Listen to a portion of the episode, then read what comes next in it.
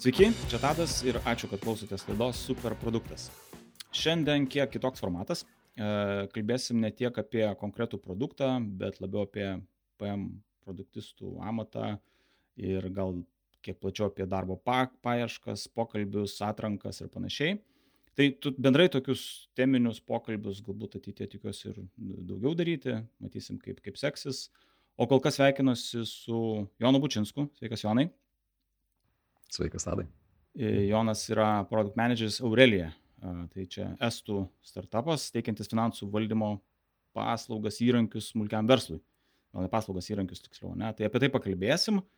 A, tai, o tokiu pradžią, tai gal aš sakyčiau, galėtume tiesiog nuo tavo bendrai, kaip įžanga, ne, apie PM, PM patirtį, nuo ko prasidėjo, kokias turėjai pagrindinės uh, patirtis ir, ir panašiai. Taip, uh, Tai pradėjau PM karjerą taip visiškai netyčia, tiesiog vieną dieną paėmė ir pasiūlė, hei, mums reikia čia vienai komandai product manager, gal nori, gal nori tai padaryti. Ir mano atsakymas buvo, sure, why not. Uh, ir taip gavosi, kad tikiuosi nesigirdis sirenas. Uh, bet iš esmės taip gavosi, kad iššokau į komandą, tuo metu mūsų kompanija nupirko InVision, uh, tuo metu lyderiaujantį dizaino įrankių kūrimo bendrovė, major startupas tuo metu buvo ir jo, tiesiog labai daug išmokau iš kolegų, su kuriais dirbau. Jo, pirmas dalykas visiškai remote. Didžioji komanda buvo US based ir taip gavosi, kad labai experience žmonės iš įvairiausių patirčių, įvairiausių kompanijų atėję į tuo metu jo, didelę irgi kompaniją. Ir ten išmokau ir tada, jo, teko paragauti visko po po to, kai atsisveikinom su InVision. Tai jo, teko ir padirbėti kelios startupuose Lietuvoje čia. Atsikasti vėl, ką reiškia dirbti pirmas dalykas - lietuviškai, bendrauti ir tada visą tą dokumentaciją ir anglų kalbą. Ir tuo pačiu metu, jo, skirtingos rolės nuo, atsiprašau, nuo įvairiausių ten pirmas product hire iki vėliau trumpai padablinau head of product uh, rolėje, bet ja, iš esmės save, save labiau skaitau ne tai, kad product manager, bet tiesiog someone who gets things done. Ir jo, product management tiesiog, jo, kartais reikia daugiau padirbėti, kai jau aiškinėsi, tai kur čia investuojam savo, savo resursus, ką iš tikrųjų norim išspręsti, kokia yra mūsų strategija, kur iš tikrųjų einam. Ir prie ko aš šiaip praleidžiu šiuo metu daugiausia laiko dabartinė kompanija Aurelija. Tai kaip minėjai, dirbam su finansais, bet tokia labai labai labai ankstyvoje stadijoje esam kaip produktas. Iš viso septyni, na, nuo kitos savaitės aštuoni žmonės. Su keliais inžinieriais, finansų specialistų, dviejais žmonėmis, founderiais, kurie dirbo finansų industrijoje labai ilgą laiką ir mato, kokie ten yra skausmai, visa kita. Ir jo, iš esmės, šiandien mano darbas yra market research. Kas yra marketą, kaip galime iš esmės improvinti, nes norime iš esmės pakeisti, kaip verslai interaktina vienas su kitu, kai perka, parduoda, kas vyksta, kai mums galiausiai reikia daryti finansinę analizę ar failinti taksams ir su kokiais, su kokiais milžiniškais sunkumais verslai susiduria. Nes ypač Europos Sąjungoje, tai pilna skirtingų jurisdikcijų, bet tos jurisdikcijos tokios, pavadinkim, flimzai, nes kaip ir gali parduoti bet kur, kur nori. Ir tada gaunasi, hei, tam, tikro, tam tikra riba, tam tikroje šalyje ir jau turi mokėti sales taxus, kaip viską apskaityti, kaip pajungti savo finansinį visą steką, kurį susikūrė, spręsti turi vieną problemą, pasijungi vieną įrankį, tas įrankis sukūrė kitą problemą, pasijungi kitą įrankį, žiūri, turi kokius dešimt įrankių savo finance stack, kurie iš esmės kai kuriais atvejais galėtų padaryti viską. Ir tik tais vienas įrankis, bet jo, tiesiog pailini problemas vieną ant kitos, bandydamas išspręsti tiesiog verslo iššūkius. Okay, tai, tai čia toks one-stop shop gausis, ne, kažkokiam, tam, kažkokiam kom, konkrečiam problemų pūlui. Uh, tiesiog, kad tai būtų panaikintų, ne taip labai paprastuoju būdu kalbant. Taip, taip, iš esmės, žiūrim į direkciją ir šiuo metu eksperimentuojam su Zapier finansams konceptu. Tai labai įdomu, bet tuo pačiu metu labai sudėtinga, nes daug įrankių tiesiog nori būti užrakinti savo toj, kaip sakant, dėžiai, nes tarkim yra ten Salesforce visa ekosistema, yra HubSpot visa ekosistema, Shopify, WooCommerce visos ekosistemos. Ir jos irgi nelabai gražiai bendrauja vienas su kita. Tai iššokti tokį Zapier for Finances a, gali būti sunku. Bet tuo pačiu metu, ja, bandome šiuo metu. Turime keletą įrankių, kurie labai įdomiai veikia vienas su kitu. Dar iš esmės nesame pasileidę produktą oficialiai, tiesiog turim keletą, keletą customerių, su kuriais bandome įvairiausius konceptus. Iš esmės pasakėm, ei, žiūrėkit, mes galim jūsų finansus visus sutvarkyti, tiesiog atiduokit visą savo buhalteriją mums. Ir mes pabandysime pasižiūrėti, ką iš tikrųjų ten galime padaryti su jūsų nu, milžiniškais kiekiais duomenų. Cool. Atrodo įdomu. Ta prasme, tokiosios ankstyvose fazėse, tai ten jo, daug neapibrieštumo, daug daug e, džiazo turėtų būti, tiesiog daug tokio improvizavimo, žiūrėt, kas, kas kaip. Ir šiaip iš mano patirties asmeniškai finansai pakankamai sudėtingas ir tas e, ne tiek, kad e, gal tų žinių reikia, bet net ir, ir ten apie techninius dalykus kalbant. Tai yra, kaip, Taip. kaip kas ten turi veikti, ten visokie ir, ir standartai tikriausiai ir apskritai operacijos, kaip kas vaikšto. Tai pakankamai reikia tokia, bent jau iš mano asmeninės patirties. Taip, reguliacijos visą kitą, kurios mm. turi atitikti buy the letter. Nes baisiausias dalykas, kas gali nutikti verslo vadovui, vieną dieną pasibeldžia į duris a, mokesčiai ir sako, kad, na, padarysim tau mini auditą dabar. Ja. Gerai, tai apie, čia būtų įdomi tema, atskirai gal kažkada galėsim, kaip auksit, kaip, kaip matysit, kokios buvo pamokos, galėsim kažkada grįžti. Aš dar prie, perinant prie to, kas yra produktistas, visai bus šiai įdomi tokia tema, nes sakėjai, vad pakvietė, ne? Kaip bendrai mokaisi, vat, minėjai, darbė mokaisi, tas PM amato, tokio, nu, nežinau, čia kaip tik geriau čia įvardinti, ar produktus, ar apskritai product management mokymasis, kaip, kaip, kaip pats, kam, kaip skiri laiko, kaip mokaisi. Tai iš esmės gal, galbūt išskirčiau tai į du skirtingus mokymuose, kaip sakykime, vertikalės. Tai viena yra tavo industrija, kaip tu supranti savo industriją ir kaip jie mokosi. Tikriausiai tavo problema, kurią tu sprendi penktam Google puslapyje, kažkas jau bandė spręsti, turėjo savo idėją, yra mini produktas, geras pavyzdys. Uh, Slekas, kur dabar visi naudoja, aš prieš 15, jeigu nedaugiau metų, turėjom savo laną ir ten turėjom tokį pat produktą kaip Slekas. Grinai tokį patį, su kanalais, su useriais ir jo, bet Slackas tiesiog įsprendė tą problemą kitaip. Tai būtent tas industrijos supratimas uh, užima, man atrodo, labai didelę dalį, kaip tu supranti industriją, kas vyksta joje, gal yra kažkokie šiptai, jeigu paėmus, kad ir finansų industrija pereina valstybės a, ant e-invoice'ų, kas iš esmės reiškia, kad vos ne kiekvienas, kiekviena sąskaita turės audito pėdsaką, kas yra labai gerai. O juodosios buhalterijos nusilpimo visam kitam, tai tas šiptas vyksta ir būtent reikia suprasti, kaip tai vyksta, bet tuo pačiu metu turime daug skirtingų šalių. Tai kaip, ar yra iš viso galimybė į tai įšokti. Bet tada, ja, supratimas savo competition, ką jie veikia, kaip jie žiūri tai. Uh, tai tikriausiai vienas esminis dalykas paimti ir užsiprenumeruoti visus LinkedIn, užsiprenumeruoti visus Twitter'yje, sufollovinti visi podcastai, visą kitą, kaip jie galvoja apie tai, nes jo, labai daug ką galima išmokti. Ir tada kitas yra pats PM amatas, ko mokysi. Tai aš ganėtinai save stengiuosi vertinti pro kitų žmonių prizmę, tuo pačiu metu turėdamas savo kažkokį supratimą.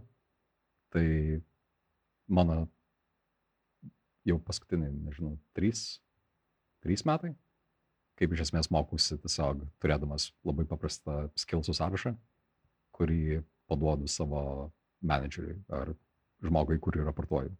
Kad, hei, čia yra mano skilsai, aš save vertinu taip. A, ir manau, kad man reikia pasitemti šitoje ir šitoje sferoje. Ir aš ir tada patikė tai kaip tiesiog faktą, aš dabar prie šito koncentruojuosi, aš prie šito dirbu. A, tai aišku, knygas skaitai, pabandai pritaikyti kažkokį naują konceptą, dalyką, kurį išmokai savo darbę, nes product management darbas yra toks labai įdomus, kad gali visokius konceptus mesti naujus. Hei, nuo šiandien dirbam, nežinau, Sprint 4X formatu, kad ir ką jis reikštų. uh, ir visa komanda tau pasako, yeah, nope, it's not gonna happen. Ar tiesiog, uh, jo, bandymas pritaikyti ir šiaip visokiose kitokiose vietose. Tai, tarkim, šiais metais išmokau pagaliau normaliai programuoti uh, web appsus, kas buvo, turiu labai didelį nustatymą, kad dabar visi product manageriai turėtų mokėti programuoti, bet uh, tuo pačiu metu tai irgi priklauso, priklauso ar komandai to reikia, ar industrijai to reikia. Bet... Galėsim apie skilsus būtinai pakalbėti, ne, kas, kokie visgi reikalingi ten tie, tie skilsai. Reikia programuoti, mokėti programuoti, ar nereikia.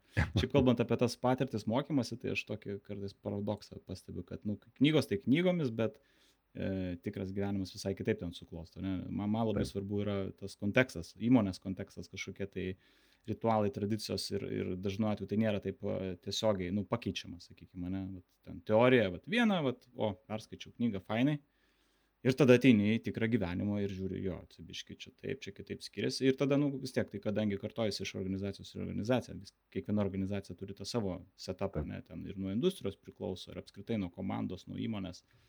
Tai tas, tas procesai visi, kaip kas veikia, vėlgi labai yra unikalu. Ten be, bendra pusė tai jo visi tam suprantam, agilas, ten dar kažkokie tai dalykai, uh, problemos, bet e, kai kasdieną nueini, tai vis tiek skiriasi tam tikri dalykai ir tada pakeisti juos, nu jau tada nėra trivialu, kažkokį, nežinau, apie kažkokius procesus, kaip mes dabar ten pradėsime karus mutuoti, ar, ar kipeisius, ar dar kažką, ne, ir ten tada atsiduri.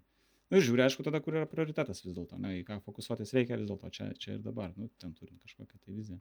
Ja, ir tada meti visak, visokiausias ten uh, prieš tai naudotus, naudotus įrankius spręsti problemai. Jo, tai čia pat, patirtis tokia iš, iš, išeina. Na, nu, ta prasme, daug, daug, aš manau, man, man, man toks, žinai, pagrindas vis tiek yra patirtis, mokymasis darbo vietoje, ta prasme, nu, tam, tam kontekste tai yra buvimas, ne, nes ir aišku, tą, ką perskaitai, tą, ką iš žmonių išgirsti, aišku, bandai taikyti, žiūrėti, bet, nu, overall tai vis tiek toks yra prisitaikymas, susižiūrėjimas, tokie. Čia apie tokius gal labiau net minkštesnius dalykus kalbu, minkštus, tai galėsim irgi prieiti pas, pasižiūrėti kaip vat, apie organizacijos atsirinkimą ir panašiai. Uh, good, gal galime tada pradėti vat, nuo to tokio pirmo, pirmos dalies, ne, koks ir yra šio, šio pokalbio, šios laidos tikslas, tai tą truputėlį paliesti ir tą bendrai, kas yra produkt managementas, produkt manageris. Tai uh, minėjai pačioj pradžioj apie, kad, okei, okay, neturėjai patirties, liktais pasiūlė kažkas, uh, Tai, okei, okay, kaip buvo supratimas tada? E, tada, kas tas yra produkt manageris ir, ir, ir dabar. Nežinau, koks šio laiko tarpas tas skiria, bet vat, būtų įdomu tą, tą tokią mm, uždėti nu, temperatūrą. Kaip tada įsivaizdavai ir kaip dabar įsivaizduoji. Tada tai iš esmės buvo tokia, tas pasiūlymas atrodė labiau, labiau kaip a, reikia project managerio, bet ir tuo pačiu metu klasikinę frazę go and figure this out. Kai mhm. tau pasako, kad hei, turime tokią problemą ir dabar tau reikia vos nenulemti, kad kaip mūsų tam tikras įrankis ar dar kažkas veiks ateityje, jo ten apibrėžimas iš userio patyrimo patirties, tai būtent jausmas, kaip tai jausis, mhm. ką turime rinkoje, kaip konkuruosim, kokia yra problema, value, visa kita. Ir supratimas buvo toks, kad vos ne anksčiau taip minėdavo visi ten mini CEO, kuris man mm. labai durnas toksai apibrėžimas yra, nes tikrai nesisijėjau. Uh, o jeigu mini, tai net nesiskaitai. uh, bet jo, man atrodo, pats geriausias apibrėžimas, kurį esu girdėjęs, kad produkt managerio darbas yra ieškoti, kur kasti naftą. Ir iš, iš esmės pasakyti ir turėti labai gerų argumentų, kodėl mums apsimoka kasti naftos Lietuvoje ir reikėtų važiuoti į Azerbaidžianą kasti naftos. Mm. A, tai būtent suradimas tų argumentų sterinamas organizacijos į tą pusę. Ir tiek iš tos diskusijos palaikymo, nes aš manau, kad vis vien sprendimus galutinius, ypač prieš, prieš strateginiais klausimais, priema CEO, nes tu dažniausiai impactini savo kompanijos bottom line ir fokusą mm. labai didelio, didelių resursų. A, tai būtent palaikymas diskusijos ir sterinamas tos diskusijos, kad, hei, važi... galbūt reikėtų važiuoti šitą pusę ir tau kaip product manager reikia būti daugiau ar mažiau indifferent, kad nelabai kreipti dėmesio, bet tuo pačiu metu surasti argumentą, hei, mes turime šitas tris opcijas ir mums reikia pasirinkti vieną ir priimti decisioną ir surasti geriausią galimą kelią tą idėją išbandyti. Ja, ir čia, ir čia toks yra, man atrodo, svarbi dalis apie tai, kad kai jau yra pasirenkamas kažkoks kelias, tada atstovėti jau, ne, ta prasme. Taip. Nes paprastai organizacijos jos kupinos idėjų. Man neteko susidurti, kad ne, neturėtų idėjų įmonės. Prasme, nu, pasirinkimų ten begalės, ten pilnas stalas, backlogai, e, bet kokią prasme, ne, ten pas CEO bus backlogas idėjų ir, ir ten sales ir taip toliau. Ir aš tai savo tokia esu pasakęs. Ir beje, kažkur esu girdėjęs, ne, product management is about pushback. Prasme, nu, kad nu, turis išmokti sakyti ne. Ir, ir, ir man, tokiam introvertui, kartais yra sunku pasakyti ne, nu, ta prasme. Bet, bet tas yra, tas yra svarbu. Ta prasme, kad jeigu mes e, kažką esam sutarę ir įsivardinę, kad mūsų kažkoks yra tikslas, kažkokia metrika, sakykime, metrikos pavydalu galų gale, šiaip bendrai organizacijos vizijos, ne produkto vizijos prasme. Ir tada tos idėjos pradeda taip važiuoti ir čia ir tą ir galim pasidaryti, ir Taip. tą, be abejo galim, bet ar reikia, ar verta, tai toks tampa tada, ne, gal čia, nu, kaip čia, žinai, nu, aišku, gali klausinėti ir tą klausinėjai, bet toks jo, ta prasme, su, su, su, sužiūrėti, kad vis dėlto būtų tas, nu, laikomas, ne, kol nepasikeičiam, kol bendrai nesutariam, kad jo, galim čia nepasitvirtino, galbūt kažkokie tai ten dalykai ir reikia keisti, ten pivotinti kažką, tai čia priklauso vėlgi nuo produkto, nuo fazės, pas startupus, tai čia dažnai dalykai turėtų būti, ne, dažniau jie keisis, jeigu ten versus kažkokia labiau, brandi įmonė, tai ten tie, tie nebus mėtomos strategijos ten kas pusmetį ar panašiai, labiau, labiau vis tiek ne, susistyguo didelę organizaciją reikia. O nemanai, kad reikia kartais iš tiesų mesti savo strategiją. Ir kai jau išgirsti pakankamai daug argumentų iš savo komandos, kad uh, jo, tai, ką darome iš esmės, mes netikim to, ką darome, Būtina. Ta prasme, tai nėra įrašymas į akmenį, bet kuriuo atveju. Ta prasme, strategija vis tiek per, peržiūrima. Ne, ta prasme, planas dėl plano yra ne ok. Ne, turim planą ir tada stick to the plan. Nu, turim peržiūrėti, ta prasme, ketvirtį, kas ketvirtį, turim peržiūrėti, susitarti. Bet jeigu susitarėm, prasme, ir jeigu nepasikeitėm sprendimo, tai viskas, stick to the plan tada. Bet, nu, tada pasakom, ok, atėjo ketvirtis ar pusmetis, kokia ten laikotarpiu sutarta ne, yra peržiūrim, jeigu tas nevažiuoja, tai turim tą, tą koreguoti. Tai agility turi būti, ta prasme. Čia, nu, ir, ir iš mano praktikos dažnai, nu, į polą, ne, tu ten net sprinto lygiai gali kažką urgently pakeisti, nes, Taip. nu, dėjo, nu, nes reikia, tai niekas nemėgsta, ne, nekalbant apie ne sprinto vidurį e, mesti, bet, bet kartais reikia. Nu, ta prasme, tiesiog kartais reikia. Tai čia, nu, ne, nuo to nepabėgs. Nemanai, kad tie va, tokie planų nusistatymai, ypač jeigu, tarkim, roadmapą lygmenį, ir roadmapą turim, turint omenyje, kad, hei, mes šipinsim tą ir tą feature, kuris jau yra sudizainintas ir čia yra mūsų planas.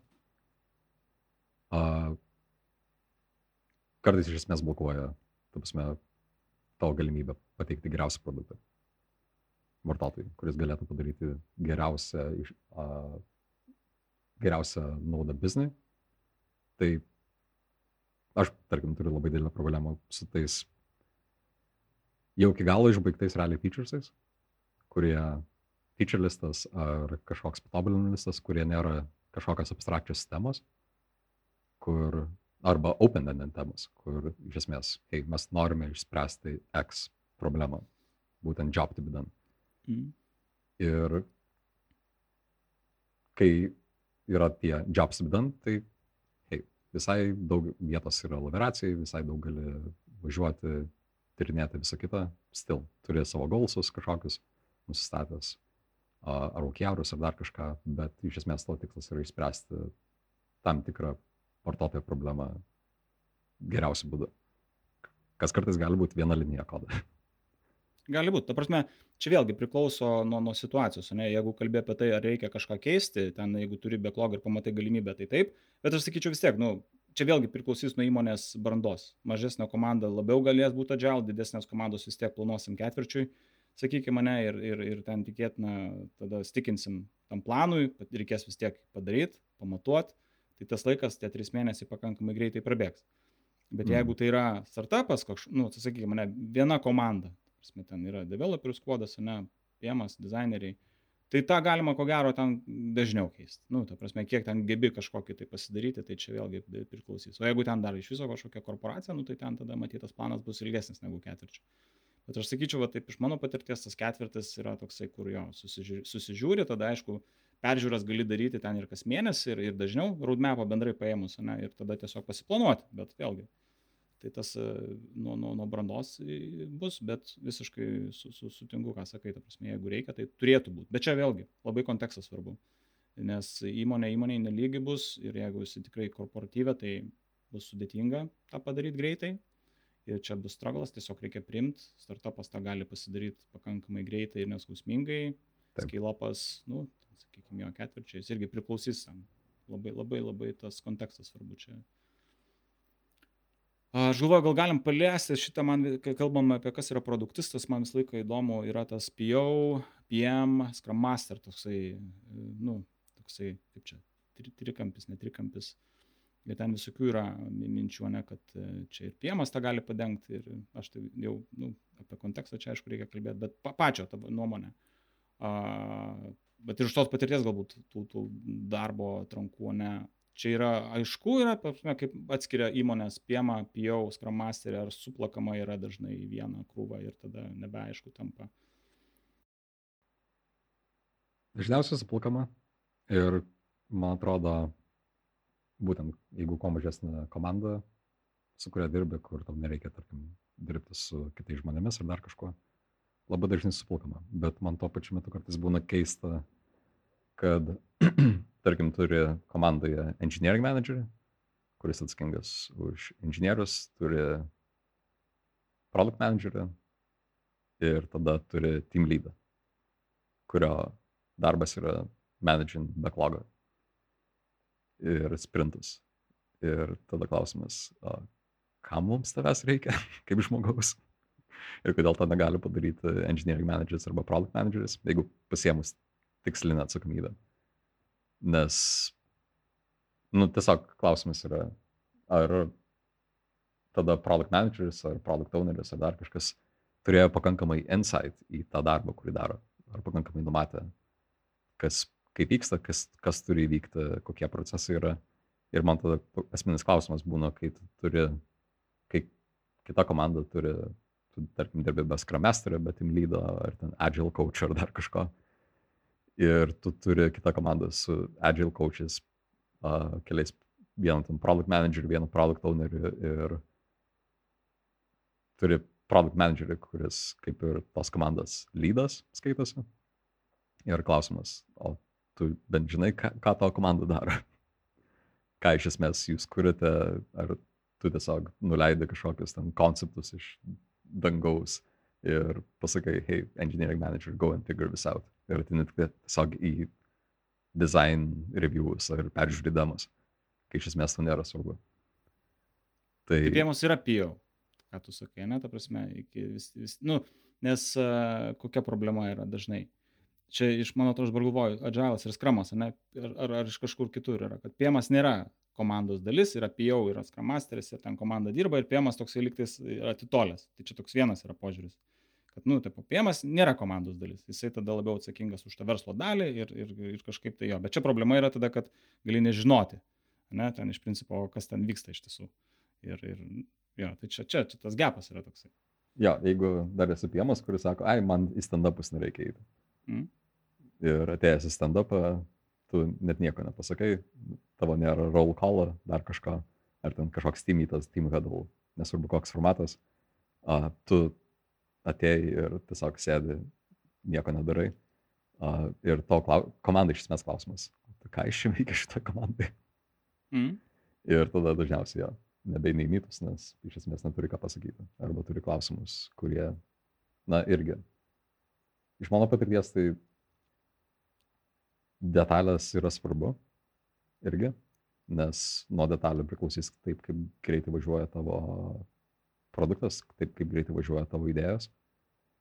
Ir jeigu tu neįsigilini į tiesiog paprasčiausius dalykus, į paprasčiausius blokerius, kas neleidžia tavo naujai produkto idėjai judėti, kas neleidžia tau net pasakyti, hei, gal iš, iš esmės nukatinam šitą dalyką nuo launcho, ar nukatinam mm. šitą dalyką iš viso nuo produkto, nes jo, jeigu užtrunka jį mums daryti uh, trejais mėnesiais ilgiau, tai gal tiesiog nedaro. Ir gali tai iš karto pasibėti, kad nebūtų ten pirma mintis, kažkam kilo komandoje, jie pasakė, gal, gal reikėtų su product manageriu pasikonsultuoti, ar jis nori nukatinti ir galiausiai po dviejų mm. savaičių pas tave atėjo ir pasakė, kad gal nukatinam, kaip galėjai iš esmės sutaupyti dvi savaitės ar tris savaitės laiko ir tos komunikacijos. Tai ir šiaip mano toks požiūris, kad o kodėl sunku yra tuos, tarkim, mytus tau valdyti kaip product manageriui, kai tai yra 15-20 minučių per dieną, kai tu gali ateiti ir tiesiog turėti tokį quick overview kai iš esmės pamatai viską, kas vyksta, gali, gali įlysti, jeigu reikia, giliau kitą projektą, į kažkokį produktą, idėją, dar kažką ir pamatyti, kaip dalykai juda. Ir tada eiti žiūrėti, ką darysime ateityje, kur fokusuosime ateityje. Jo, tai detalės piemų vienareikšmiškai. O gali paėmas, va taip, aš ne, ne, nesu gal taip susidūręs, nors esu, meluosiu, kad, prasme, piem, pjau ir skramasteris viename. Čia yra ok? Taip, šimtų procentų. Nes yra organizacijos, kurios turi atskirai skramasterius. Dar kaučia, net ten yra, aš nu, nesus, neteko man dirbti tokios organizacijose, bet uh, dėl, dėl, dėl ko tavo nuomonė taip yra? Uh, man atrodo, dėl ko atsiranda Scrum Masteriai ir Agile coachai, kad reikia judėti greičiau. Mums reikia judėti greičiau ir mes galvojam, kad papildomas žmogus komandoje padės mums judėti greičiau. Padės išdirbti detalės, padės išdirbti uh, tam tikrus įskeisus, padės atrakinti, nežinau, galimybę judėti greičiau komandai. Jo, bet tada, kodėl kiekviena komanda neturi Scrum Masterio, kurie tarpusvėje šnekasi visi. Ir tada turi tokį uh, behind the scenes product management, kai Scrum Masteris turi savo ten team meetingus, team huddles ir visi kartu šnekasi, kaip čia viską pajudinti priekį. Taip gerai, detalių lygyje, bet vėlgi tai gali sutaupyti labai daug laiko, kai tiesiog turi product managerius, kurie rūpinasi produkto judėjimu. Na ir engineering managerių, kuris supranta, kaip veikia visos sistemos ir gal tuo pačiu metu užsiema pačių inžinierių ten uh, HR dalykais kaip team health, hiring, firing ir visa kita. Tai, nu, tiesiog tas konteksto praradimas, man atrodo, kainuoja. Ir ar reikalingi papildomi žmonės, kurie turės tą kontekstą savo galvoje? A, ne. Mano nuomonė, kad product manageriai turi retros valdyti.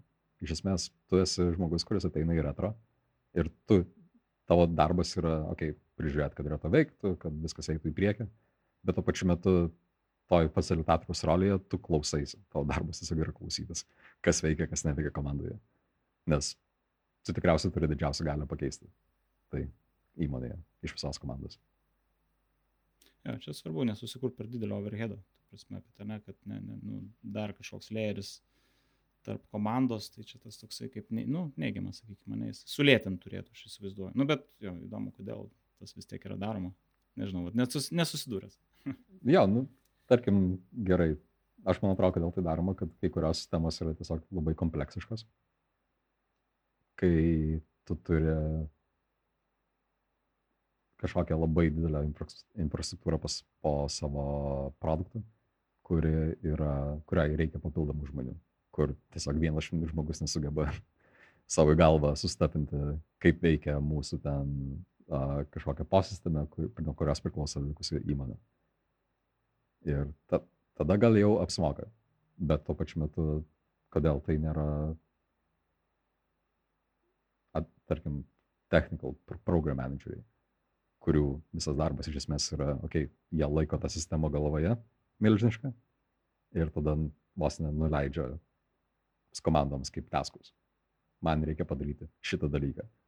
Jūs įsidėsit į sprintą, ačiū, viso gero. Jo, čia skiriasi, matyti ir nuo organizacijų, bet būtų įdomu irgi su skramasteriais atskirai pasikalbėti. Manau, kad ten irgi, nu, to prasme, kad tai nėra taip tiesiogiai aišku, ne, akivaizdu, ta prasme, tai yra daroma ne dėl to, kad būtų blogiau, ta prasme, ir tai sukuria naudą kažkokią. Tai čia neturiu to konteksto, bet jeigu tai vyksta, tai yra, tai, tai dėl kažkokių tai ir, ir matomai naudingų priežasčių. A, aš galvoju, gal perinam tada prie skilsų. PMO, ne, nes įdomios temos galim ilgai kalbėti, bet tada taip rezumuojant, kokie, nežinau, čia manoma klausti apie tos top 3 skillsus produkt manageriui, bet tavo nuomonė, kas, kas yra svarbu, koks skillsetas reikalingas? Uh, mokėjimas executant dalykus. Ir čia yra labai daug niuansų. Mhm. Toks man labai priklauso. Ir man atrodo, ko samdydamas įmonės turėtų iškoti ne tai, kad uh, kaip tu uh, ne tai, ką, ką tu esi executinęs, bet tavo execution, execution style. Mhm. Tai ir, tarkim, tavo didžioji, didžioji darbo dalis yra iš esmės vos neįtikinti kompaniją, kad varom natos kas, kažkur kitur. Tai kaip tu sugebė tai executinti? Ir ar sugebė executinti iki galo ir kaip giliai? Bet iš ko susideda tas executionas? Čia mes kalbam apie vis tiek kažkokius tai skillsus konkrečius, ne? Nu, tai, nes executionas labai plati tema prasme, deliverinti featuresą kažkokią, tai vieną, e, sutarti strategiją kažkokią, tai vėl kitą. Kaip, kaip galėtum dar truputėlį tada, pa, pa, kas tas yra executionas. Nes nu, visiškai pritariu, čia yra svarbu, ta prasme, nu, ne, neužsimalti ir, ta prasme, padaryti. Get things done arba mm, done. Man atrodo, čia tiesiog esminis dalykas yra, kad kiekviena situacija yra skirtinga ir kaip tu sugebi mūminti dalykus greitai. Iš vienos fazės į kitą. Kaip tau, ant kiek esi gal, ant kiek žmogus yra relentless, kad, okei, okay, mes užsipriešim padaryti dalyką X. Ir ant kiek jis sukasi per ciklus, per feedback ciklus greitai. Tai kaip yra suformuoluota idėja, kaip yra drivinama į priekį. Nes būtent nuo drivinimo dažniausiai idėjos priklauso, ar tai iš, iš viso idėja bus deliverinta. Ir tuo pačiu metu tas depth idėjos gilis, tuose ant kiek gerai yra viskas pragalvota iš, iš anksto. Ant kiek tu gali sukramtyti, kas vyksta rinkoje, kas vyksta įmonės viduje, ant kiek sunku mums tam tikrus ir dalykus pajudinti. Ir vos ne, vėlgi, priklauso nuo organizacijos dydžio, kaip su, suburti žmonės, kurie iš esmės to patikėtų, kad, hei, mes galime daryti taip, žmonės suprastų, kaip iš esmės dalykas bus daromas, kaip, ko, koks yra mūsų tikslas, kokie yra mūsų metrikos, visa kita. Ir, ir kaip gali greitai tai iš esmės, jo, sukramtyti ir paduoti komandai. Ir tuo pačiu metu gauti feedbacko, Jeigu blogai, okei, okay, kitas ciklas, kitas feedback ciklas. Ir jo, stumti dalykus priekį. Ir, ir kaip gali tada, jo, tada klausimas yra, kaip tu gali tai skailinti. Kiek dalykų gali vienu metu stumti į priekį ir kiek gali, kaip sakant, influencinti kitų komandų, kad tavo dalykus dar papildomai stumti į priekį. Na, nu, čia dependencijai visokie. Ja, tai kuo, ja, kuo daugiau to ten yra reikalų, aišku. Jo, bet tai gali būti, tarkim, ir tavo biznis operacijų komanda kuri tau gali pasakyti, kad, hei, mes neturime resursų tau nupirkti laptopą ar dar kažko. Kai ten to, tarkim, komandos inžinieriui laptopas tikas pagėdo. Tai irgi, aš tai skaityčiau savo asmeninę problemą. kad, hei, man, mano vienam top inžinieriui sugedo laptopas. Kaip tai išspręsti, kuo greičiau. Uh, o nelaukti, jo, nelaukti į komandos, kol jie ten apsisuks savo uh, ratais man patiko paminėjai feedbacką, ta prasme, tai feedbackas yra svarbus dalykas. Nu, čia ne apie skilsus kalbant, ne, bet, nu, gal net ir skilsas, ne, tai tu, nu, kad tu aktyviai ieškai, nes iš mano patirties tai tos didžiausios patirtis ir, ir pamokos yra būtent iš feedbacko, ta prasme, ar tai būtų teigiamas ar, ne, teigiamas ar neigiamas.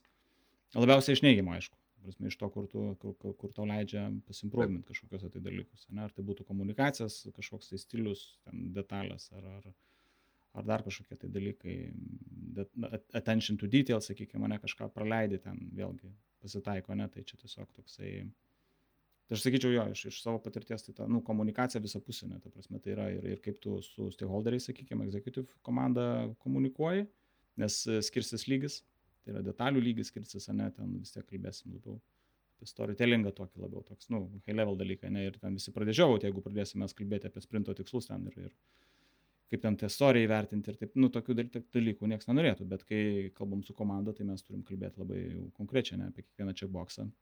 Taip.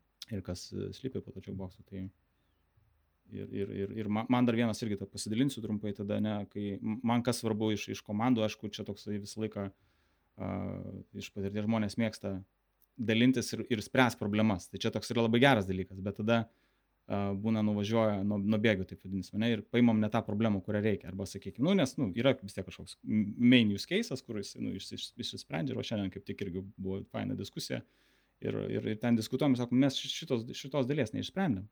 Ir aš toks sėdžiu ir galvoju, jo, bet tai visai gerai, kad diskutuom, nes pagrindinį tai išsprendėm, o, o, kalbam apie edge case kažkokį tai. Taip. Tai prasme, kad turim išspręsti ir tos edge cases, bet kadangi nediskutuojam apie main dalyką, tai aš toks azuminu, okei, okay, tai mes išsprendėm tą pagrindinę problemą ir dabar yra kalbos tik tai apie tuos, žinai, ir visi karštai diskutuoja apie kažkokią tai, nežinau, procentą userių liečiančią problemą.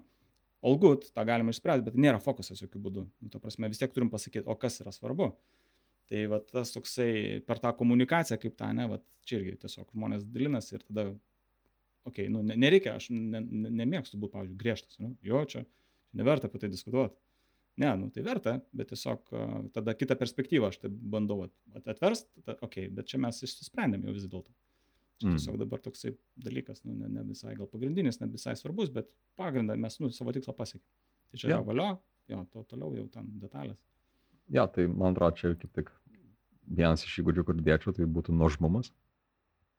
Product managerio, kad uh, toksai, kur negali labai lengvai pastumti ir kuris, bet tuo pačiu metu gerai turi atjūtą žmonėms, kad nesi ten visiškas asgol, kaip sakant, bet tuo pačiu metu jo gali, gali kartais labai stiprų, stiprų nepasakyti ir uh, vos net suburti komandą, kad hei, gal apie šitą dalyką dabar net nešnekam, nes jis, jis iš esmės nėra, nėra svarbus. Ir tuo pačiu metu tas nuožmumas gali atsireikšti, kad ja, būtent stumint savo idėjas į priekį. Kad turi, netgi, jo, kartais gali būti asgol vadinamas komandoje. Aš prisimenu, mano komanda buvo slekę uždėję grup, grupę, man sukūrė atskirą vieno žmogaus Bandhammer kur uh, jo, kolindavo, jeigu kažką reikėdavo užbaninti, kažkokią idėją ir visą kitą. Bet tuo pačiu metu jo, kad nesi toksai gal, sakyt, nu, ta, tas kontrastas irgi, kad ne, nereikia mums asgal product managerių. Jo, aš manau, svarbu tas dalykas, ta prasme, bendravimas, tas kultūra, tonas, bendras atmosfera, kaip čia koks geriausias žodis, nebūtų, vis tiek tai turi būti fun. At the end of the day tai turi būti fun, nes daug laiko praleidai darbę, tai aš pats irgi tikiuosi žmonių, kad ta atmosfera, žinai, yra gera.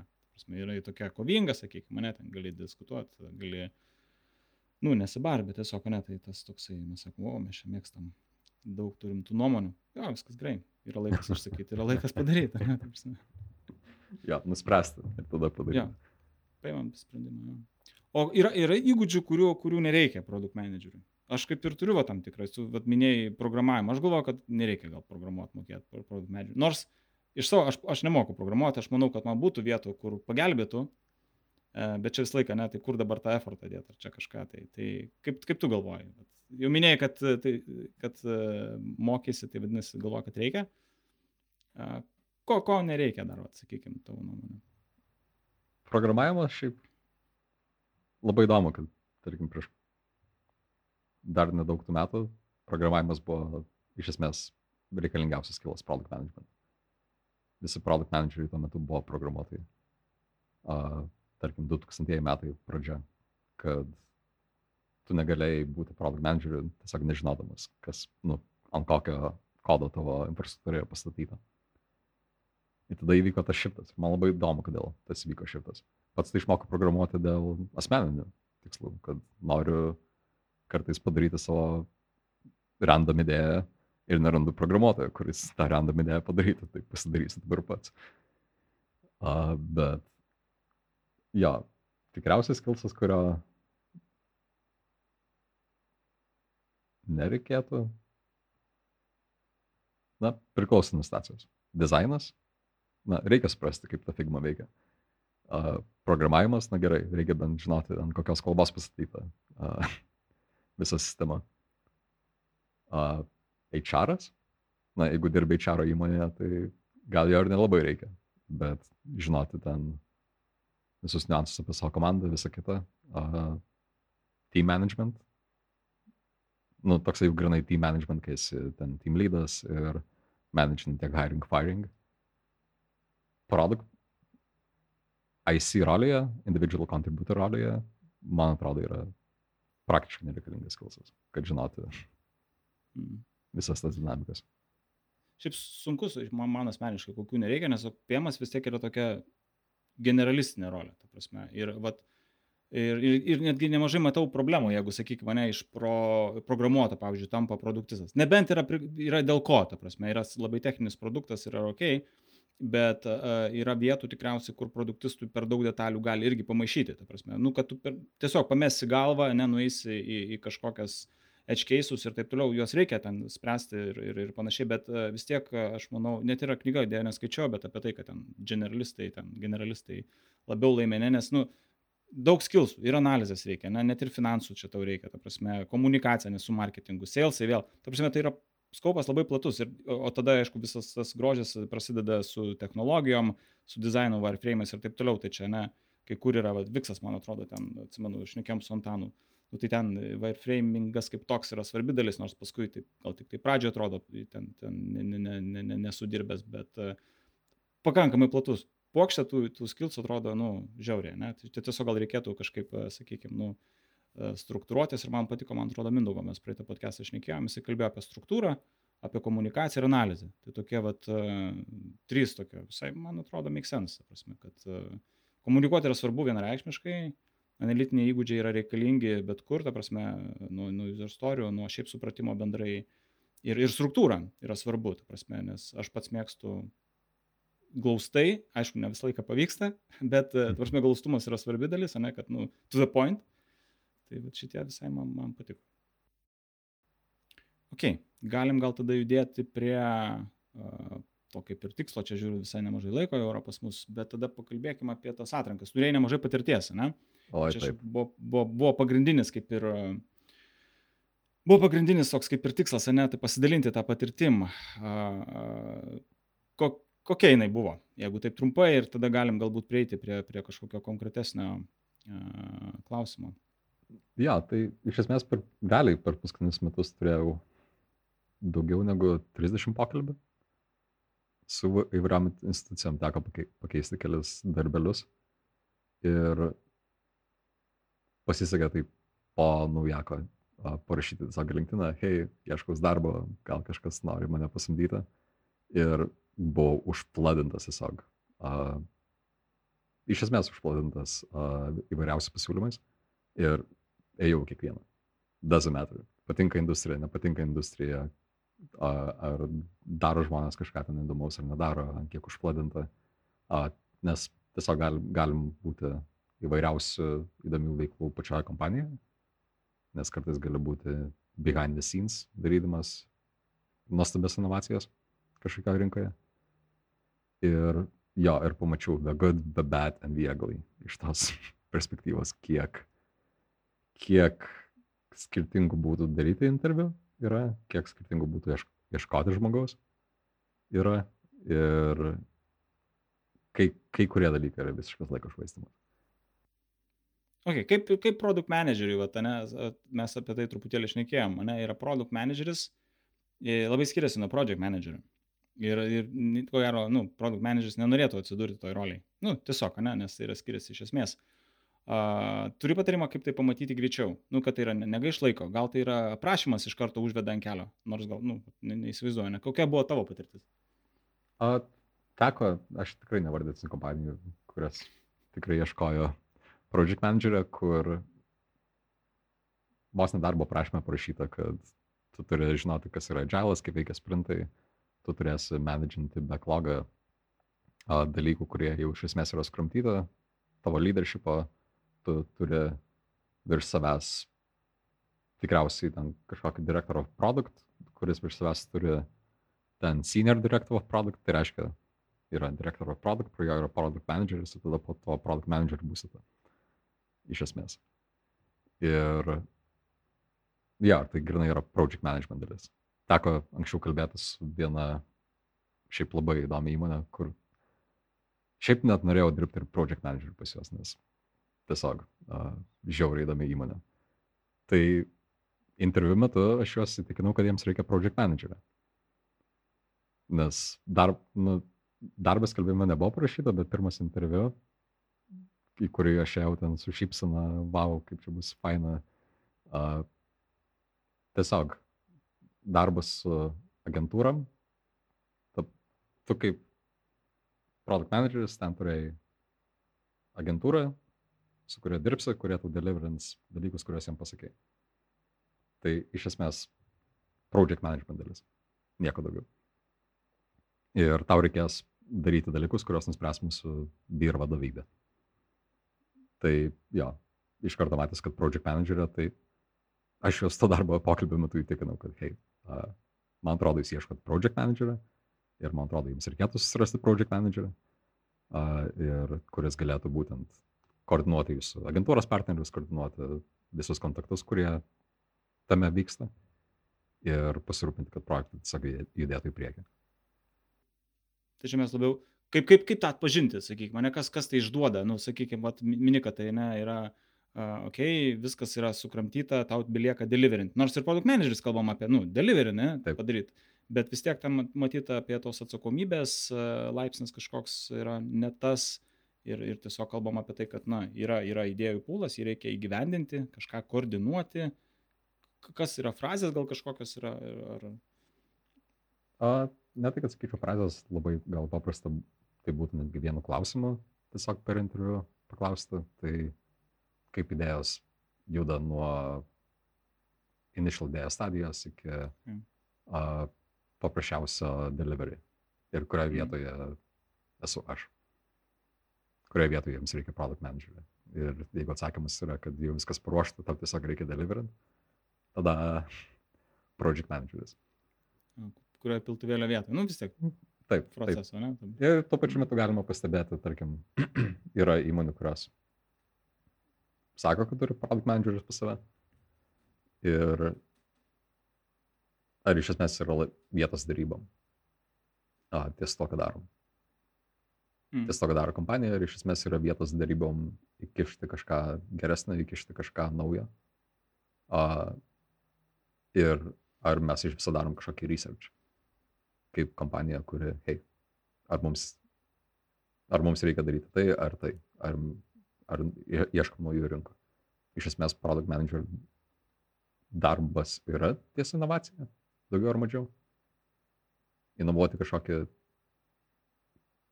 kažkokį vietą savo produktą, kuri iš esmės neštų didesnį naudą to klientams, to įmoniai ir tuo pačiu metu stovėtų mm. geriau prieš competition. Tuo pačiu metu paimant viską, kas vyksta aplinkui.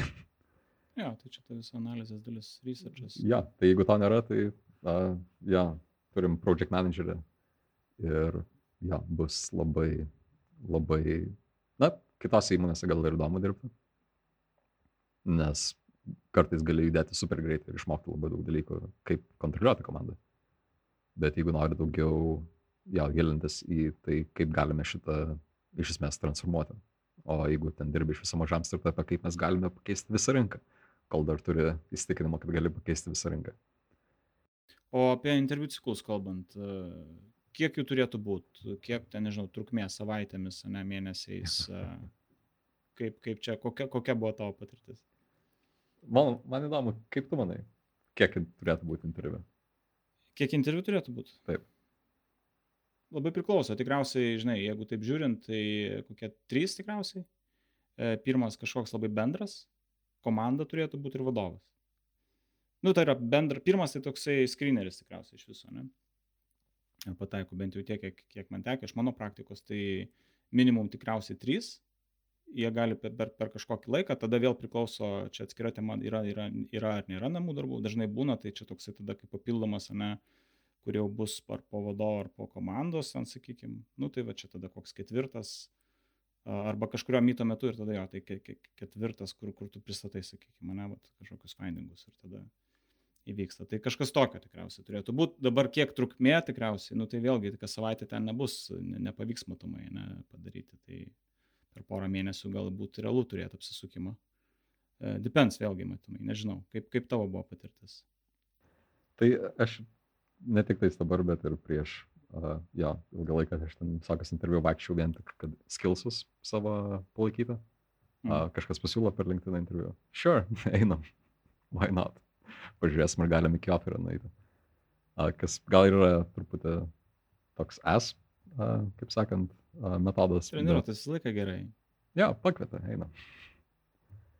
Ir jo, tai esu matęs interviu, kur ten yra kokie 6-7 ciklai, kur gerai, čia skaitant hiring, recruiter screeningą, tai recruiter screeningas, tada turi pokalbį su team lydu, tada turi pokalbį su aukščiausių vadovų savo, tarkim, departamentą, tada koks namų darbas įkišamas, po to namų darbo turi dar a, pristatymą, tai ten nuo 2 iki 4 valandų praleidai darydamas namų darbą, tada turi jį pristatyti per valandą, a, gal prieš tai dar lūmą atsiuntas ir įrašyta.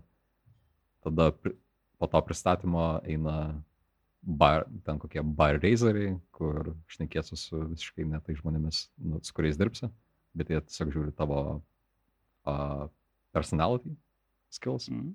evaluatina ir tada dar turi galiausiai dar vieną pokalbį su kokiu vadovu, kur dar kažką patikrina. Ir... Čia kiek 7-8, tai čia, čia, čia yra ok? Aš mano nuomonė, tai, na, yra ta klasikinė frazė depends. Mm. Tai nuo kompanijos dydžio ir nuo to, kiek kompanija yra atsimušusi į bad hires.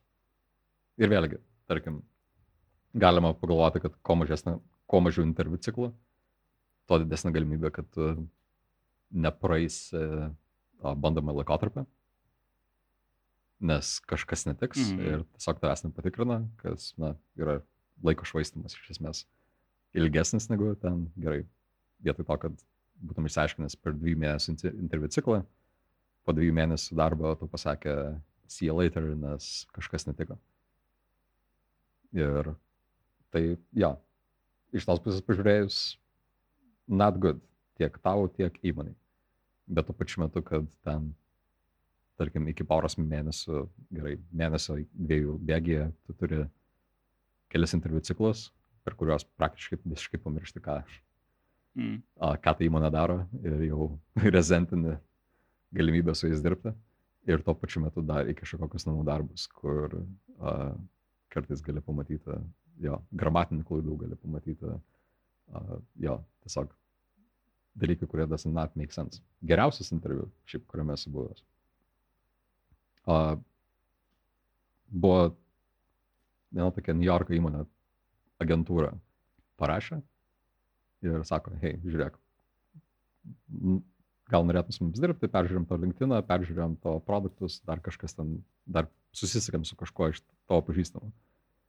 Jau padarė literally screeningą. Mm.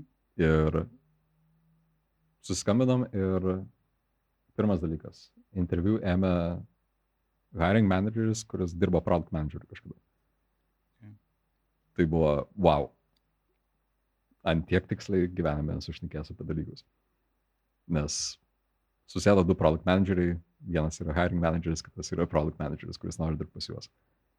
Ir buvo completely on point, visiškai pirmas dalykas.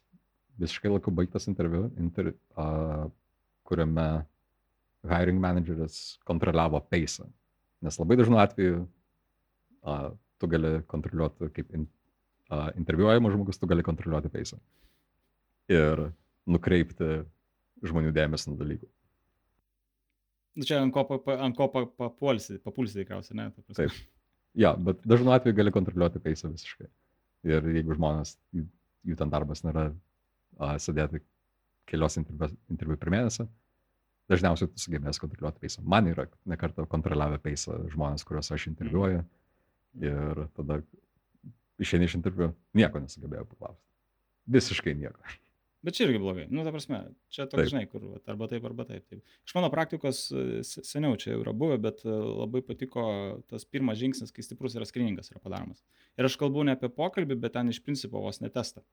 Tai yra skillsų testą ir ten kalbam apie tokius ir, ir, ir nu, apie situacinius, ne? tai tu ten tiesiog atlieki testą ir, ir tada ten didelį ten pūlą gali atsifiltruoti ir tada, okei, okay, žinai, kad jau yra skillsetas kažkoks ir tada tiesiog jau labiau žiūrim patirtį, ar ten kažkoks šiaip fitas yra ir, nu, kur tu tokia jau ateini. Nes kalbėtis tai yra brangus labai laikas ir turėti aštuonis pokalbius yra kažkada tekę dalyvauti, kur ten keturi pokalbiai viens po kito. Realiai apie tą patį kalbė, keturias valandas apie tą patį su keturiais ir ten, nežinau, būna daugiau. Toks abiški, mm, nu, ta prasme, ne, Taip. gal visi vienu metu susirinkim tada ir, ir per vieną valandą tau tuos pačius klausimus užduokim. Uh, tai, ta prasme, kai yra geras tas skriningas padaromas, tada ten galima, ne, okei, okay, galbūt namų darbai, čia atskiras, ne, klausimas, ar reikia, bet uh, jo, ir tada tiesiog uh, pasižiūrim pagal patirtis, atsirenkam ir, ir važiuojam. Aš sakyčiau, kad, manau, yra svarbu, vėlgi, tikriausiai vėlgi priklausys nuo situacijos, greitai hairinti, nes realiai pasimato apie žmogų tik tai realiuose aplinkose, nu, reali- realioj darbinėje patirti aplinkoje ir kad turėsi ilgą procesą, aš abejoju, ar tai užtikrins, nu, kad tu ten nu, labai jau pataikysi. Ta prasme, nes vis tiek tai yra atranka, tai yra toksai, nu, konkursas, sakykime, taip, taip, Taip. gali daug dalykų pasitikrinti, bet e, tada yra tos karo sąlygos ir, ir, ir, ir tai yra visai kitas tada pasaulis ir tada tik tai pasimato tam tikri dalykai. Tai aišku, čia vėlgi nuo, nuo kompanijos galbūt ir brandos priklausys, ne, ten kas yra jaunesni, jaunesnės kompanijos, galbūt nebus taip pat dirbti tie procesai. Senesnė, labiau esališ kompanija, galbūt tos procesus gali labiau atsidirbti. Priklausys ir nuo fazės, ne, ar tai startupas, ar tai yra corporate, ar tai bus kilapas kažkoks. Tas labai skirsis. Bet aš sakyčiau, svarbu turėti stiprų, stiprų, stiprų tą atrinkimą. Skriningą, kuris jau paskui leistų tą galutinius, nu, pokalbis turėti jau labai konkrečiai, labai tikslingai. Tai yra, yra ir, ir skillsetas yra reikalinga, ir patirtis, ar ne, ta prasme. Nu, o prieš visą tai, aišku, reikia apsispręsti, ko reikia. Nes čia tikriausiai irgi dažnu atveju dar irgi būna, okei, okay, tai ko mes ieškom. Nes jeigu pokalbio metu pavyksta perkalbėti, kad vis dėlto reikia ne product manager, o project manager, tai kažkas namų darbų nepadarė. Ne? Na, bet, žinai, dabar pradeda visi hairinti. Aš atsimenu, vienas buvo labai įdomus interviu vienu metu, kur iš esmės žinau, kad sufeilinau jį visiškai. Tai buvo mano pasigodimo story draugams prie laus ilgą laiką. Nes buvo viena kompanija, su kuria, kuria pakvietė pas juos dirbti, praėjau hiring manager screeningą, praėjau product manager screeningą ir kita užduotis buvo skill assessment. Mm. Vieno, vienos valandos pokalbis, a, kurį įmanoma sufeilinti dviejais būdais. Neklausant per daug klausimų ir iš esmės einant prie solutioną per greitai.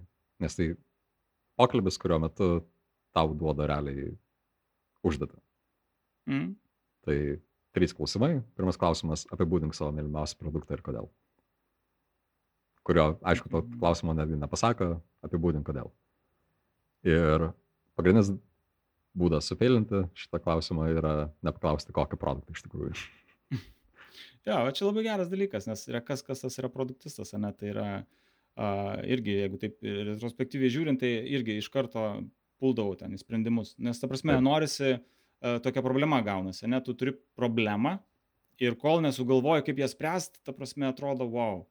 Ir, bet, nu, čia reikia, vat, būtent yra ta vieta, kur reikia sustot, e, pamatuoti devynis kartus. Čia labai taip banaliai sakau, bet, ta prasme, iš tiesų, nu, ta, tas įsigilinimas yra ky, e, nes sprendimų tai aibe gali būti, ne, bet e, jie, nu, jie nėra svarbiausia dalis, kol nežinai problemos kažkokių tai pagrindinių dalykų. Tai vat e, labai pažįstama, bet aš, nu, čia vėlgi tikriausiai žmonėm, jo, per greit nubėgsi, pradėsi siūlyti sprendimą kažkokį jau, jo, čia taip turėtų veikti. O kur Taip. pagrindimas, kur įsigilinimas, tu net nežinai kažkokių tai bazinių dalykų tikriausiai. Tai, jo, Ja, tai buvo toliau tame interve irgi, kad a, gal dar vienas klausimas, toksai bendrinis, kur irgi tiesiog iš esmės prašosi, kad tu užduotum klausimą, pafolopint ir tada 30 minučių exercise uh, užduotis apie produkt, su produktu susijusiu, su kuriuo dirbsi, uh, su sfera, kurioje dirbsi ir tiesiog problemos apibūdinimas, atsiunčia ją tau raštu, gali sharing screeną, ką nori daryti, tau reikia per 30 minučių daryti kažkokias, iki kažkokio solutiono. Ir vienintelis okay. būdas uh, tą interviu sufeilinti yra iš esmės prescribinti kažkokią solutioną per pirmasis 10 minučių. Mm. Neklausti. Ok, čia galėčiau dar irgi padiskutuoti, ar yra ok per 30 minučių kažką pateikti, nes aš tai sakyčiau, jaučiu didelį stresą. Nu, ta prasme, ne, net ir tai, kad ten galėtum paklausti, ne? Taip. Bet still, ta prasme, laikas tiksi, čia toks, nu, jo, galbūt, jo, čia tiesiog matyti yra industrija kažkur high pace, ten daug streso, bet, nu, daug streso visur čia yra, manau, kad. Taip, bet iš esmės, um, ko jie nori tokiuose interviu ir aš esu tokius daręs. Ir ko tu nori, tau nereikia solutiono. Tau mm. solutionas yra paskutinėje vietoje. Tu žiūri, vertini kritinį mąstymą žmogaus ir kaip greitai, ne kaip greitai, bet kokie klausimai kyla. Ir kaip sugeba paklausti ir kaip sugeba follow up in tai klausimus. Nes, yeah. tarkim, gali tam paklausti, klausimas iš to pusės gali būti ten, tai kiek ten vartotojų turite. Na ir jie dažniausiai šaus kažkokį skaičių iš oro arba pasakys tikslų numerį. Ir tada follow-up klausimas būtų, tai gal kažkokios country specific yra auditorijos, su kurias taikotas. Gal kažkok... Iš esmės, ko nori išsiaiškinti, koks tavo useris yra, bet apie vartotojų skaičių klausimas yra blogas, bet kaip tu jį toliau gilinsis ir bandysi suprasti tą situaciją.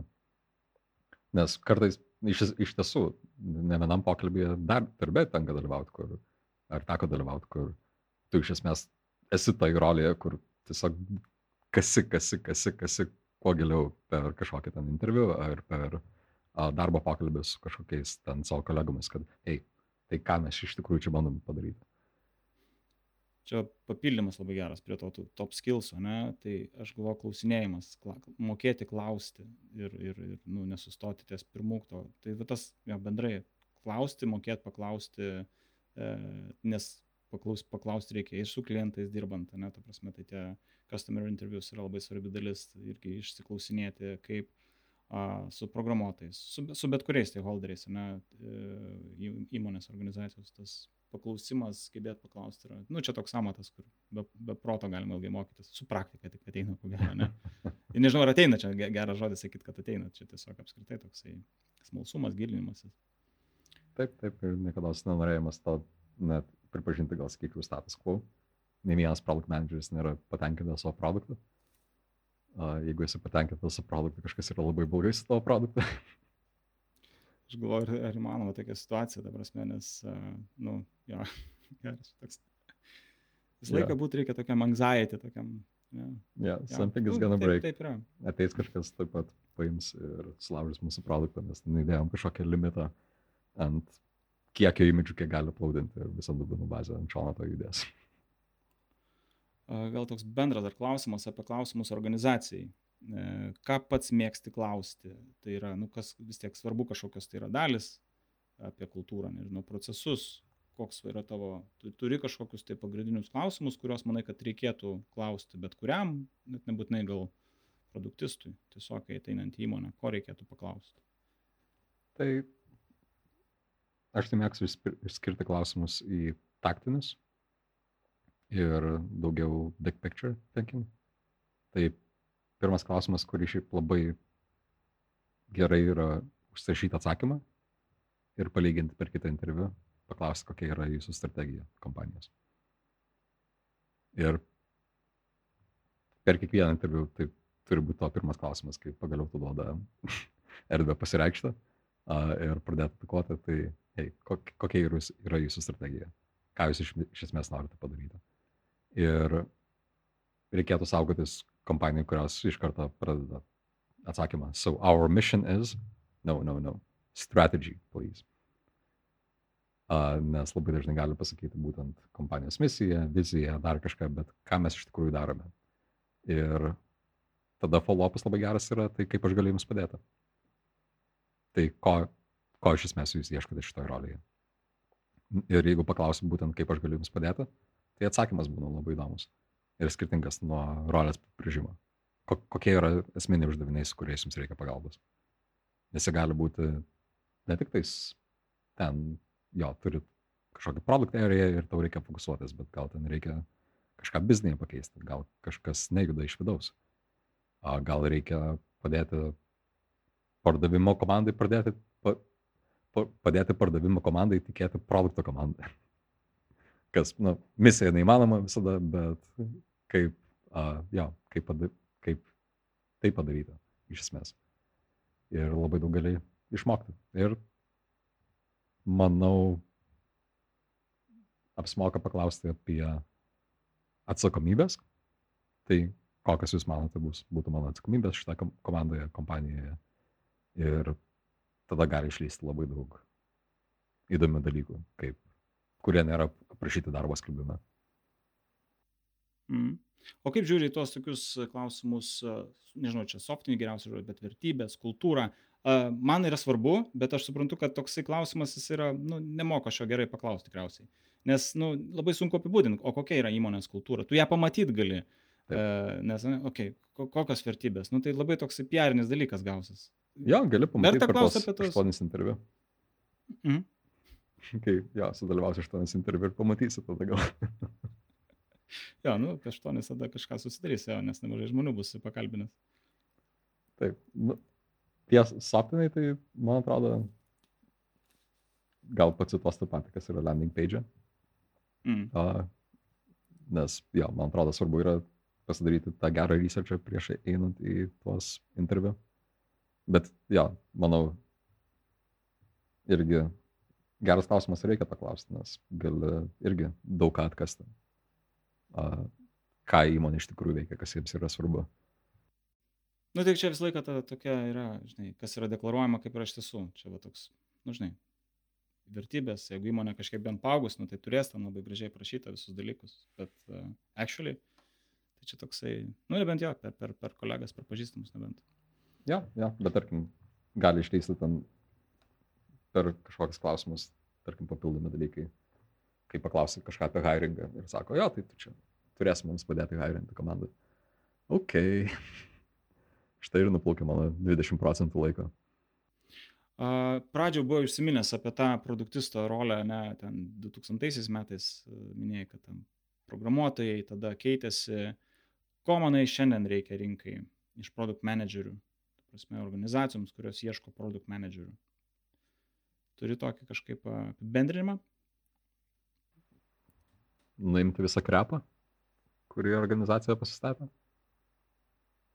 Nes... Ar, ar norės organizacija to, žinai, pripažinti. Nu, čia labai toks labai turėtų būti uh, aiškus suvokimas iš organizacijos. Nebūtinai. Tai turėtų norą tiesiog pasižiūrėti, ar mes tiesiog nebardinam pro resursus ir nedarom dalykus kažkokius, kurie iš esmės yra nereikalingi. Tai būtent susijęs su tuo gebėjimu pasakyti ne, bet gal ir gebėjimu pasakyti, kad mums šito nebereikia. Pavyzdžiui, uh, labai įdomus per interviu būna klausimai, hei, tai gal tu esi dirbęs agile, sprintais, skramais, dar kažkuo. Mm. Jo, kaip visi. Waterfall, taip, čia irgi esam dirbę, visi realiai dirba waterfall. Tai ir pirmas dalykas, kam tas iš viso klausimas yra ir ar kartais iš, iš viso reikia sprinto tavo komandai kad padėti jai greičiau judėti. Nes mano nuomonė vis dar iki šiol yra, kad a, sprintų nereikia niekam.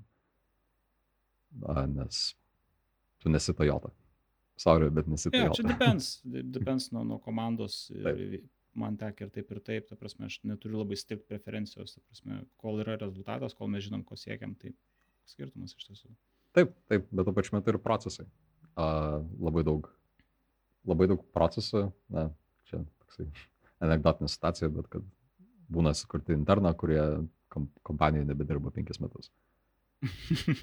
Tiesiog atėjo, jiems buvo duota užduotis, pagalvok, kaip galėtų atrodyti šitas procesas ir kompanija įdėgė vienoje komandoje, pasisekė, įdėgė visose. Uh, net, gerai, netyčia pasisekė, įdėgė visose, komanda vis dar taip dirba. Ir kai paklausai, tai, okei, okay, tai kas čia padarė, tai pamatai, kad, hei, niekas net nežino. To žmogaus net senai nebėra kompanijoje. Ir ką tada, na, kaip tai nuimti. Nes jeigu paėmus, kaip tu nori iš esmės savo, dar kaip tik bandau atsidaryti. Šiandien yra ta diena, kai slekas nulūžo. Uh, oh, yeah. Jo, kaip tik kalbėjom šiandien su kompanijos co-founderiu apie būtent koks yra, kaip pažiūrėti į tą finansų rinką kitaip, tapsime, ko, tapsime, ką mes norime su ja padaryti, tai tiesiog ką tu nori pirmas dalykas padaryti requirements mažiau durnais, kad kai kartais dalykai do not make sense, kai kurie requirementai, tada, kad būtų aišku žmonėms suprasti, ką mes iš, iš esmės darome. Nes kartais, tarkim, kad ir ties kompanija pamatai, kad vien transliuojama žinutė iš kompanijos viršaus yra visiškai, visai kitokia, negu mes dirbame. tai kažkur yra miskomunikacija. Bet gal tada padaryti, kad ir pačius tarkim, all hand myto žinutę paimti ir išversti tą dalyką, ką supras komanda, ką mes iš tikrųjų čia darome ir kokia yra misija, kas yra, na, pats irgi didelis toksai, kasimasis kito. Ir procesų dalykinimas yra, man, man atrodo, daugiausiai overlookinta sritis komandose, kad tam tikrus procesus tiesiog reikia ištrinti. Ir labai dažnai tam tikri procesai būna automatizuoti, tarkim, kad ir ties pačiu produktu. Kai kuri produktą, tu automatizuoji kažką, automatizuoji dalį problemos, kuri iš esmės nebuvo problema vartotojai in the first place. Ir tai, jo, tai ištrinti tos procesus, kuriuos gal ir esi automatizavęs ar kažką esi įdėgęs, nes jo, kartais jie do not make sense. Bet aišku, to nedaryti pačią pirmą savaitę ar patį pirmą mėnesį. Nes tada tikrai pramisinsi tikrai ištrinsi kažką, uh, jo, kuo klientai, kuo klientai tavo uh, jo pasitikė, arba to komanda pasitikė, kas juos realiai laiko kartu. Jo, bet kai kurie dalykai organizacija. Aš, jo, doesn't make sense. Visiškai, su, visiškai sutinku, yra, ta prasme, yra laikas, nu, jeigu naujai atėjęs, nu, nepulsi tam procesų, kad ir kaip atrodytų, ne, iš, iš šono, aš, aš vis tiek manau, kad komanda dėl to jo susidėliojo, dėl to, kad taip mane esant geriausia, tai aš manau labai svarbu, bet kokiam naujam žmogui atėjus, suprasti tą kontekstą, kodėl taip reikalai vyksta. Taip. Ir po kurio laiko tas, nu, paskui, jo, gali aišku ir pats ten, kaip sakyt, pasinerti tai ir, ir taip, žinai, bet, bet vis tiek tu, turint kritinį mąstymą, manau, uh, yra vietos grįžti prie kažkokių tai dalykų, peržiūrėti juos ir, ir panašiai. Čia vėlgi yra svarbu tada pasirinkti prioritetus. Nes aš manau, kad vis tiek, uh, jo, procesą ok, bet uh, jei, o, klausimas, kur dėsi dėmesį ar į procesus. Ta prasme, vis tiek vienu metu visko neišspręsi, todėl turi būti labai aišku, žinai, į, į ką dabar fokusuojamės, ką dabar turim susidaryti, susitvarkyti, o, o kas, kas gali palaukti. Jo, bet tam tikri dalykai tai ne, nereikalauja uh, didelių investicijų. Kaip Galbūt, jo. Perkeliamas Jira projektą iš uh, sprintų į paprastą projektą. Hei, link Kanban. Ir ištrinimas dar keturių mytų. Čia reikia vėlgi komandos, ne, ta prasme, komanda jaučia, ne, nejaučia, problemos yra, nėra, taip. ta prasme, čia toks, nu, duoti įmui tą laisvę, tai čia įsiklausyti. Taip, taip. O ko tu, kas tavo manimu dabar yra svarbiausia produkt manageriui? Su, ta prasme, e, apie global negalėčiau pasakyti, e, ta prasme, kas, kas yra svarbu. Manau, kad bet kuriuo atveju produkt manageris, vėlgi, čia nuo konteksto priklausys, ne, yra tas generalistas, kuris turėtų, jo, vėlgi nuo, nuo kažkokios tai hierarchijos priklauso, ar yra kažkokie tai leveliai, bet vis tiek prioritetai. Man atrodo, yra svarbu prioritetų turėjimas, stikinimas į susitarimus, ta prasme, kad tai vyktų, nes kaip ir minėjau, ne, komandos mėgsta pasinerti kažkokias detalės, kurios galbūt šiandien yra nereikalingos. Aiški komunikacija turėtų būti irgi, nes ko gero vis tiek bus jungtis tarp, sakykime, tarp pardavimų, produkt managers, ne, į, į development komandas. Ne, kas yra svarbu?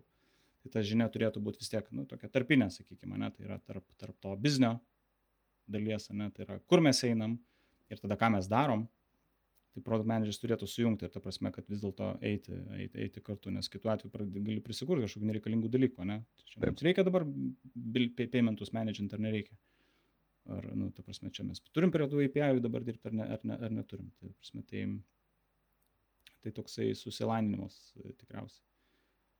Ir čia tada tie skilsai, man, man šiaip e, Mindaugo patiko, ne, vis tiek, e, kai, kai žiūrim, tai struktūra, komunikacija, nuo komunikacijos gal netgi pradėčiau. Komunikacija, analizė ir struktūriškai tas patikimas. Ir, o paskui, aišku, čia mes galim daug, daug, daug klysti tuos aptartus dalykus, klausimų, gyvėjimas klausti, bet aš sakyčiau vis tiek tam, kad kompanija galėtų, nu, taip susistigavus judėti sutartą kryptim, kad nenuvažinėti kažkur tai į, į, į nereikalingus šonus. Nes šiaip manau, kad labai yra prikuriama daug waste, nu, daug, daug tokių nereikalingų nedalykų, tai va, tą minimizuoti reikia kažkokiu tai būdu. Tas True. padeda fokus, fokusuojantis. Tai toks tikriausiai. Tru, tru. Tik tais, jo, mano pagrindinis svoriai yra visada, kai taip padarai tokį ruthless prioritization uh, viskam, kad, okei, okay, ne, ne, ne, taip, taip, taip, ne. Paprasti atsakymai be jokio niuanso. Uh, na, su aišku, kažkokio research, pasiskaitimo ir visa kita. Ja, Bet tokį padarai ruthless prioritization, uh, komanda tikisi vieno, tai, tai va, čia mūsų uh, nuskabytas visas roadmapas, darysim šitos penkis dalykus, ateinant kažkurį laiką. Ir visi yra, like, what the hell. Ir po to seka toks pat, tokie patys penki dalykai, po to seka tokie patys penki dalykai ir dinksta, na, džemas. Nu, tiesiog tokia galimybė kartais nuo karto ir pasiausti su idėjomis. Aš atsimenu, mes turėjom ganėtinai didelę laisvę vienoje komandoje savo inžinieriams. Ir turėdavom ideation meetingus. Kiekvieną antradienį vakare susiskambinam ir idėjas laidom. Žiūrim, kas prilips. Ir žiūrim, ar užsikurs komanda ties kažkuo. Ir idėjas laidodavo iš esmės inžinieriai, niekas kitas. O, yeah. Ir taip, ten būdavo, hei, perrašam ten kažkokį loginamą skriptą, kuris ten gal mums tapys kažkiek resursų, ten ant logų lygio, bet tuo pačiu metu kažkokias idėjas useriams, ar dar kažkas. Arba mano idėjos, ateinu ir pasakau, kad, hei, mums reikia to ir to. Ir komanda, nu, čia užtruks gal tris mėnesius. Ir, mm. nu, okei, okay, pakabinęs nosį, baigė tą meetingą, okei, okay, ten mano idėja tris mėnesius užtruks, tikrai aš net nepasiruošęs tiek resursų investuoti. Atsibundi kitą rytą, vienas iš inžinierių padarė per vakarą ir atsiuntė tau production running feature po feature flagu su video. Hey, Jonas, so I did this thing tonight. O aš ten tik atsikėlęs ryte, jis dar kaip tik online žiūriu, okei, okay, trys mėnesiai per vakarėlį realiai to žmogaus. Okay, yeah, so estimations gone wrong. I mean, šita dalis čia verta atskiro, atskiros laidos tikriausiai. jo, bet yeah. tokios, žinai, battle stories, kai mes tiesiog ir turėtum tos ideation meetingus komandą ir tuo pačiu metu džamindavom kartas nuo karto ir uh, leidom, kadangi viskas buvo feature flags, tai inžinieriai galėjo ką nori į production kišti. Literally ką nori.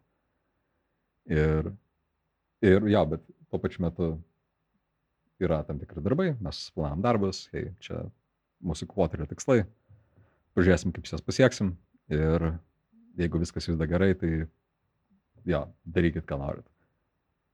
Tai vienas inžinierius iš tikrųjų jo, padarė, irgi toje toje pačioje komandoje padarė one line code fixą, kuris atrado pas mus kompanijai pusę milijono neapmokestintų userių. Nu, ne, pusę milijono neapmokestintų in ARR, ten uh, jo, keli šimtai userių, kurie nebuvo apmokestinti. Tiesiog naršė po bilingo sistemą, norėjo ten kažką padaryti. O, šitą keisiną pagalvojau. Perėjo per domenų bazę, ištraukė visus userius, okei, okay, tiek ir tiek userių yra iš tikrųjų nemoku šiuo metu. Ir mes net nežinom, nes tiek daug jų turim. Ir... Okay įdomus, mes visai nemažai ir išlaiko išėjom tos, tos mano tradicinės valandos, valandos rėmo. Perinam gal tada prie tos pabaigos, trijų klausimų. Nebent dar norėtum kažką pridurti, kažko nepaklausiau, kažko nepaminėjai. Uh, jo, čia, kaip, kaip minėjai, galima iš temą daug gilintis, būtent tas hiring, uh, kaip tau, kaip product manager ir kompanijai atrasti vien- vienas kit, kitą, ar vieną kitą, nes, jo, labai daug lemia tas sritis kompanijos vystimėsi, nurodo greitą. Ir jo, ta partnerystė, nu, exchange of money iš tikrųjų, exchange of value, uh, jo, daug ką nulėmė kompanijos vystimėse. Tai jo, labai nuanced, bet tuo pačiu metu ir įdomu. Ne, ja, čia daug, daug, daug, daug kontekstų yra, ta prasme, tai įdomi tema. Gut, uh, perinam tada prie tos uh, pabaigos paskutinės dalies, uh, tradiciniai trys klausimai. Tai pirmas iš jų - knyga, kurią norėtum rekomenduoti. Managing a Design Factory. Hands down. Geriausia knyga uh, kiekvienam žmogui, kuria, kuriam tenka susidurti su inovacijų vadyba. Okay. Ačiū. Antras klausimas - kasdien naudojami įrankiai darbui. Aš esu atsibodęs savo visiems draugams iš to Superhuman. Geriausias elektroninio pašto įrankis ever. Kodėl? Aš to, aš to nesuprantu. Ta prasme, Google, fine. Uh, kiekviena tavo darbas, jeigu tavo darbas yra iš esmės managinti mailą, Mm. uh, kas mano darbas yra tiek uh, darbe, tiek prie asmeninių projektų, tiek visur kitur, aš nenoriu jaustis įkalintas savo įrankio. Man reikia įrankio, su kuriuo aš galėčiau dirbti darbą. Kaip, tarkim, statybininkui reikia plaktuką, kad Tai įkalinti. tau leidžia greitai, ne? Ta prasme, at, atrašyti, kas yra Taip. atrašyti greitai, pradėti rašyti greitai. viską daryti kaip įmanoma greičiau ir uh, veiksmingiau. Tai kiekvienas tavo keystraukas iš esmės kažką reiškia. Uh, kiekvienas vos ne keystraukas yra tavo kažkokia komanda, kuri yra superhuman. Ir tu gali tiesiog snappy praeiti pro savo visą e-mailą kelis kartus per dieną ir turėti inbox zero visada. Ir jie deliverina promisą inbox zero. Kodėl mano draugai mane laiko durim, nes tai kainuoja 30 baksų per mėnesį. Ir aš jau Jo, bet jis va, dabar įsijungsiu savo asmeninį elektroninį paštą. Va, du laiškai, nebėra. Ir 118 savaičių in a row esu inbox zero. Inbox Zero irgi naudoju. Su tuo pačiu Gmailu, bet uh, labai gerai. Bet jo, dėl, dėl lietumo gal čia, čia tiesiog kiti dalykai, bet okei. Okay. Anksčiau dar, kai pradėjau naudoti uh, Mhm. Superhuman, paspaudus ant compose mygtuką, užtrukdavo pusantros sekundės, kol galėdavai pradėti kompozinti. Kol užlaudindavo viską. Kietas internetas? Ne, Ne. Ką, bet... jo. Ne, užtrukdavo. Paspausdavai compose ir kol atsirasdavo pats compose window, Mm. praeidavo šiek tiek laiko. Uh, dabar, nesenai buvau įsijungęs Gmailą, still crappy, bet uh, buvo greičiau jau. Tai Okay. Sprendžia. jo, sprendžia. Bet, na, tiesiog, tai yra, man atrodo, yra labai daug uh, potencialo to industrijai, kur yra apie nu, dalykai, produktai, kurie turi nuomonę, kaip pasaulis turėtų atrodyti. Ir Superhumanas pasakė, mm. e-mailas turėtų atrodyti va taip, tada atėjo hey.com, pasakė, ne, e-mailas turi atrodyti va taip. Ir dabar, jo, yra, na, galimybė būdų turėti savo mailą. Man Superhuman yra geriausias, bet tuo pačiu metu, jo, suprantu pilnai, kad žmonės, kurie nepraleidžia į a, savo dienos e-mailą, visada atsidarė e-mailą, a, jo, tikrai, tikrai nereikia 30 baks per mėnesį. Tikrai ne. Kas dar, kokie da, da, dar įrankiai pas tave naudojami? Na tai, kaip visi esam tikriausiai kalinti Slack arba Teams'o, tai tiesiog team messaging įrankiai kažkokie. Pats aš asmeniškai dirbu per tris skirtingus Slack organizacijas, nes turiu ten visokių asmeninių dalykelių mm. su draugais, ten prisigalvoja viskų idėjų. Tai jo, labai cool. Na ir tuo pačiu metu dokumentacija tai priklauso nuo darbo. Man atrodo, šis laikais visi yra tokie pat įran- įrankeliai. Ir, ir, ir,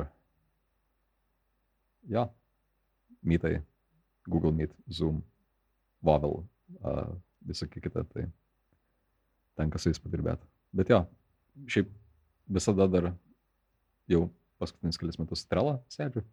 Pagaliau atradau būdą suburti savo asmeninius dalykus su, su, su darbiniais dalykais. Ir truputį tokį prioritizacijos metodą pasikeičiau savo, kad galėčiau prioritizuoti, na, kadangi dirbu remoto, tai kartais galiu pasidaryti kažkokią asmeninį dalyką.